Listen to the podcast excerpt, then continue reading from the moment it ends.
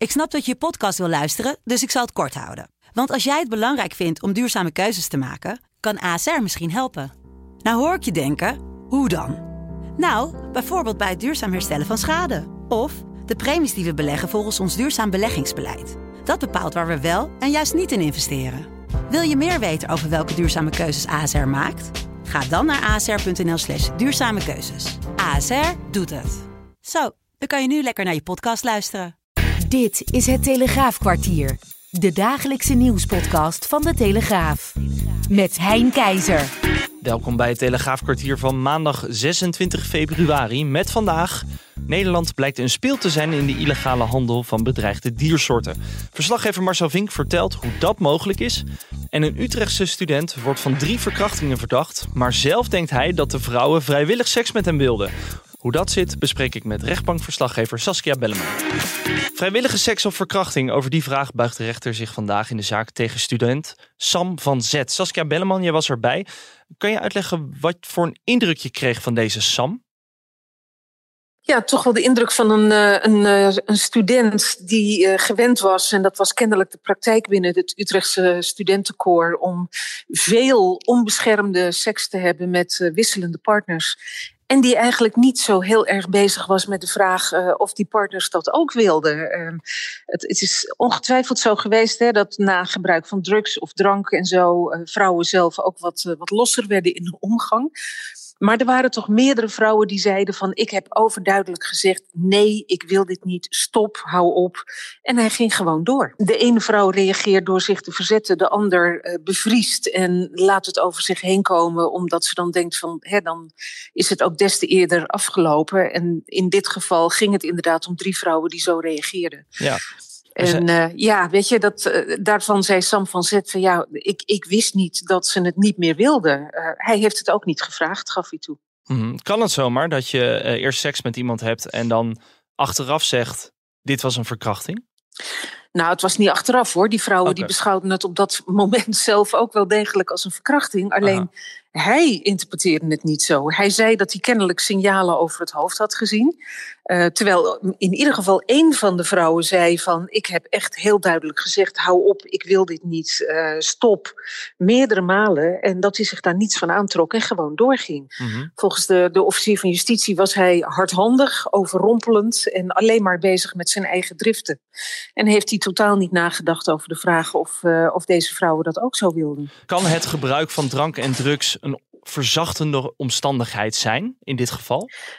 Nee, omdat drank en drugs, uh, dat, dat besluit je zelf te gebruiken. Mm -hmm. En ook als de vrouwen drank en drugs hebben gebruikt en, uh, niet overduidelijk nee zeggen, moet dat een signaal zijn om er juist niet seks mee te hebben, zegt de officier van justitie. Juist omdat ze niet overduidelijk toestemming kunnen geven. En ja, dan weet je dus nooit of het eigenlijk gewoon tegen hun zin is. En het lijkt erop dat uh, Sam van Zet dat nou juist beschouwde als een soort aansporing. Ja, de, de advocaat van uh, Sam van Zet die noemt de eis bijzonder hoog. Vind jij dat ja. ook?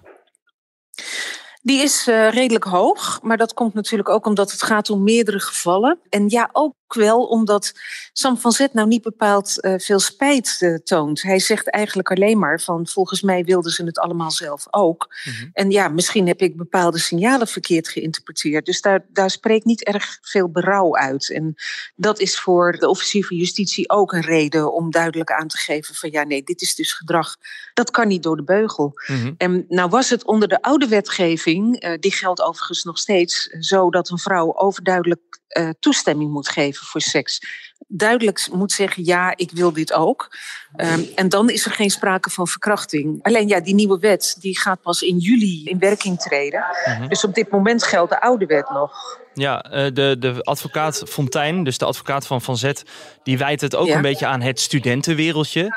Hoe interpreteert de rechter dat? Ja, de, de, de, advocaat zegt van dit maakte gewoon deel uit van ja. de wereld waarin deze jongen leefde, die Utrechtse studentenwereld. En daar was dit gedrag normaal. Mm -hmm. En iedereen deed dat zo. En de, hij, er was geen enkele reden voor hem om aan te nemen dat deze vrouwen dit niet wilden. Er was één vrouw die zei: Ik heb duidelijk auw geroepen, ik heb, uh, ik heb gehuild. Uh, maar ja, daarvan zei de advocaat, het was donker in de slaapkamer. Dus ja, de kans dat hij die tranen heeft gezien is niet zo heel groot. Mm -hmm. Dus hoe had hij moeten weten dat dit meisje dat niet wilde? Nou, dat gold voor één meisje. Maar een ander geval was een, een ex-vriendin van deze jongen, die dus duidelijk heeft gezegd: stop, hou op, ik wil dit niet. En ook dat was voor hem geen reden om te stoppen. Ja, is het, is het uiteindelijk zijn verhaal tegen het verhaal van de drie slachtoffers, kunnen we ze misschien wel noemen? Nou ja, de officier van justitie zegt dat is normaal gesproken in zedenzaken natuurlijk wel zo. Hè? Je kunt niet alleen maar zeggen van nou ja, het is het woord van de een tegen de ander. Het bewijs ligt altijd heel moeilijk in zedenzaken. In dit geval zijn er volgens de, de officier echt wel meer bewijzen dat dit geen vrijwillige seks was. Uh, zo had een van de meisjes had, uh, behoorlijke verwondingen. Ze zat onder de blauwe plekken, had ook een verwonding aan haar geslachtsdeel. Nou, zegt uh, de officier, dat duidt nou niet bepaald op vrijwillige seks. Want wie wil dat nou? Een ander meisje dat overduidelijk heeft aangegeven dat ze niet seks wilde hebben met hem. En die ook duidelijk nee en stop zei. Daarvan zegt de officier van ja, he, hoe, hoe moet je dat anders opvatten dan gewoon nee is nee? Ja. En het feit dat Sam van Zet dat beschouwde als van ja, god, dat uh, beschouwde ik als een verleidingsspel, is dus overduidelijk een verkeerde inschatting geweest. Ja, hij toont dus geen blijft bij zijn eigen verhaal nee. en blijft dat ook herhalen. Ja. Hoe nu verder? Ja. Nou, over twee weken zal de rechtbank uitspraak doen in deze zaak. En dan horen we hoe de rechtbank alle informatie die vandaag over tafel is gegaan interpreteert. Ja, ik ben ook wel benieuwd wat dit gaat doen binnen de studentenwereld. Want ja, ik herinner ja. mij tijden toen ik zelf nog studeerde. Dat dit uh, natuurlijk ook ja, kon gebeuren. Niet verkrachtingszaken, maar dat je dronken bent en dan misschien je eigen grenzen niet meer goed kan aangeven. Dus misschien een wel goed, uh, goede bewustwording. Wie weet, ja, laten we het hopen. Want ja. kijk, feit blijft, iemand die, die uh, gedronken heeft, die dronken is en, en de grenzen enigszins ziet vervagen, ja. uh, is niet minder aansprakelijk voor het uh, overtreden van die grenzen. Nee. Je blijft gewoon verantwoordelijk voor, voor je eigen handelen. Mm -hmm. En ja, niemand dwingt je om te drinken. Hè? Nee, dat is ook zeker zo. Gelukkig maar. Ja, precies. Saskia, ja, hartelijk dank voor je tijd en nou ja, wordt ongetwijfeld vervolgd. Tot zo. In de illegale productie van traditionele Chinese medicijnen blijkt Nederland een essentiële rol te spelen. Marcel Vink, kan je eens uitleggen wat die rol precies is? Ja, Nederland vervult eigenlijk de rol van doorvoerland, zou je kunnen zeggen. Het gaat in dit uh, onderzoek, hè, wij hebben de, de, de resultaten van het rapport gezien. Hè, er is een tweejarig onderzoek aan vooraf gegaan. Ik moet er voorbij zeggen, het gaat vooral om traditionele Chinese medicijnen, maar ook wel Indiaanse en Afrikaanse. Hè, want ook die hebben hun eigen uh, traditionele uh, pillen en poeders en noem maar op. Mm -hmm. Nederland is doorvoerland. Heel veel producten die zijn uh, samengesteld uit lichaamsdelen van uh, bedreigde diersoorten en ook bedreigde plantensoorten. Die komen uiteindelijk in Nederland terecht.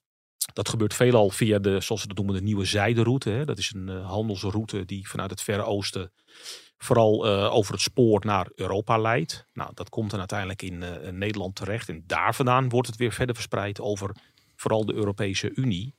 En dat kan ook omdat we natuurlijk vrij verkeer, we hebben natuurlijk geen grenzen meer en er zijn heel weinig controles. Dus uh, in dat opzicht is het ook lastig om dit te onderscheppen. En mocht het nou wel een keer gebeuren, dan zijn er een aantal douaniers die ingelicht kunnen worden, die corrupt zijn en die zorgen er dan voor dat dit soort uh, plooien snel worden gladgestreken. Kan je uitleggen hoe groot de omvang is van deze illegale handel? Ja, de omvang is heel groot. Er is een soort van toekomstbeeld is er neergelegd. En dat kwam erop neer dat er in 2030 voor 1 biljoen dollar aan nou ja, waarde zou zijn. En dan hebben we het dus over alle traditionele medicijnen. Dus dat geeft wel aan hoe groot de behoefte aan dit soort medicijnen is. En daarmee natuurlijk ook hoe groot dit probleem is. Ja, en die traditionele medicijnen, heb je daar voorbeelden van wat dat precies is? Ja, het, dus, of kan zijn. Ja, nee, kan zijn. Nou ja, kijk, we hebben het bijvoorbeeld over uh, tijgers. Hè, die worden afgeschoten uh, voor hun botten. Mm -hmm. De botten worden dan verwerkt in medicijnen. En uh, ja, die hebben vooral in de Chinese traditionele geneeskunde... hebben die een, ja, zeg maar een hele belangrijke geneeskrachtige werking. Het kan ook te maken met beren bijvoorbeeld. Hè. Beren worden gevangen gehouden om hun gal. Hè. De verse gal, die wordt dan afgetapt... En die wordt dan ook verkocht aan mensen die daar baat bij denken te hebben. Maar we hebben het ook over schubdieren bijvoorbeeld. Hè. De, die worden ook al de, de pangolins genoemd. Hè. Die, de, de schubben die worden dan van de dieren afgehaald.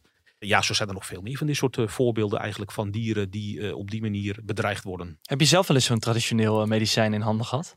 Ja, dat heb ik oh. wel eens gehad inderdaad. In mijn tijd toen ik correspondent in China was, heb ik dat zeker gehad. Dus ik ben ook wel bekend met de Chinese traditionele geneeskunde. Afgeleide daarvan, ik heb ook wel eens een keer echte haaivinnensoep gegeten. Hè. Dat is natuurlijk uh, iets ander voorbeeld. Maar ook daar worden geneeskrachtige aspecten aan toegedicht door de Chinezen. Hè. Ik bedoel, bij die haai is het dan zo dat de vin wordt uh, afgesneden en de haai wordt dan vervolgens weer in het water uh, teruggegooid en bloedt eigenlijk gewoon dood. Die andere dieren kun je een beetje vergelijken. Hè. Ik bedoel, het, het leed is, is ook heel groot en ja, het is wel zo dat in de laatste 50 jaar is uh, twee derde van de diersoorten die hier op een of andere manier uh, bij betrokken zijn, ja, die zijn eigenlijk al uitgestorven. Dus uh, er, is een, er is een hoop leed in, eigenlijk in een lange periode voorafgaand is er al geweest. Ja, en vandaar dat heel veel mensen zich in toenemende mate zorgen maken om deze trend. De NWA is erachter gekomen dat Nederland hier een heel belangrijke rol in speelt. Hebben die ook meteen gehandeld om te zeggen we moeten dit voorkomen of stoppen? Ja, nee, klopt. Eh, de, NVWA is eigenlijk ingelicht uh, naar aanleiding van dit onderzoek. Dit onderzoek is uitgevoerd door vier organisaties, waarvan drie Nederlandse organisaties. Kijk, deze organisaties hebben geen opsporingsbevoegdheid. Die heeft de NVWA wel. Hè. Die hebben een eigen inlichting- en opsporingsdienst. Die zijn niet mee aan de gang gegaan. Er zijn invallen geweest, er zijn huiszoekingen geweest en er is ook al iemand gearresteerd. Dat is een Zuid-Hollander, weten we in ieder geval. Ja, en het kan natuurlijk niet worden uitgesloten dat dit nog veel meer gevolgen gaat hebben, ook voor uh, mensen. Hè? Want Rotterdam, wordt wel gezegd, is eigenlijk een beetje de speel van het hele verhaal. Dus als we het hebben over Nederland als doorvoerland, dan concentreert uh, zich dat vooral in de, in de regio Rotterdam. Hoe is er vanuit uh, China gereageerd? Want die hebben natuurlijk de vraag gekweekt naar traditionele medicijnen. Ik kan me zo voorstellen dat die ook wel eens aan te kijken van, nou, nu wordt er iets van ons afgepakt. Vanuit China is, zover ik weet, nog geen reactie gekomen. Kijk, het, maakt deel uit van hun cultuur. Dus voor hen is het een, een belangrijk eigen uh, manier van, uh, nou ja, zeg maar, mensen kunnen genezen.